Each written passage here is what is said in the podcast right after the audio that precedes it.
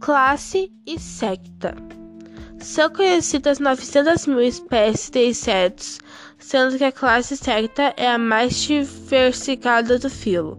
Os insetos são os únicos animais invertebrados com capacidade de voo. Essa capacidade lhes garante alcançar alimentos com maior facilidade, além de lhes dar um grande poder de defesa e de expansão. Os insetos têm grande importância na cadeia alimentar, pois muitos pássaros, anfíbios e répteis e mamíferos e peixes se alimentam deles, mas também podem trazer muitos prejuízos ao homem. O corpo dos insetos é dividido entre cabeça, tórax e abdômen. Eles possuem um par de antenas, três pares de patas e as asas podem ser ausentes.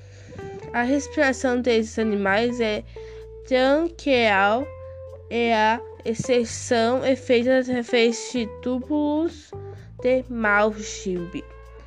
O sistema nervoso dos insetos é cancionar com o cordão nervoso ventral. Os insetos são animais dióxicos, sexos separados, com fecundação interna e desenvolvimento direto e Exemplos: abelhas,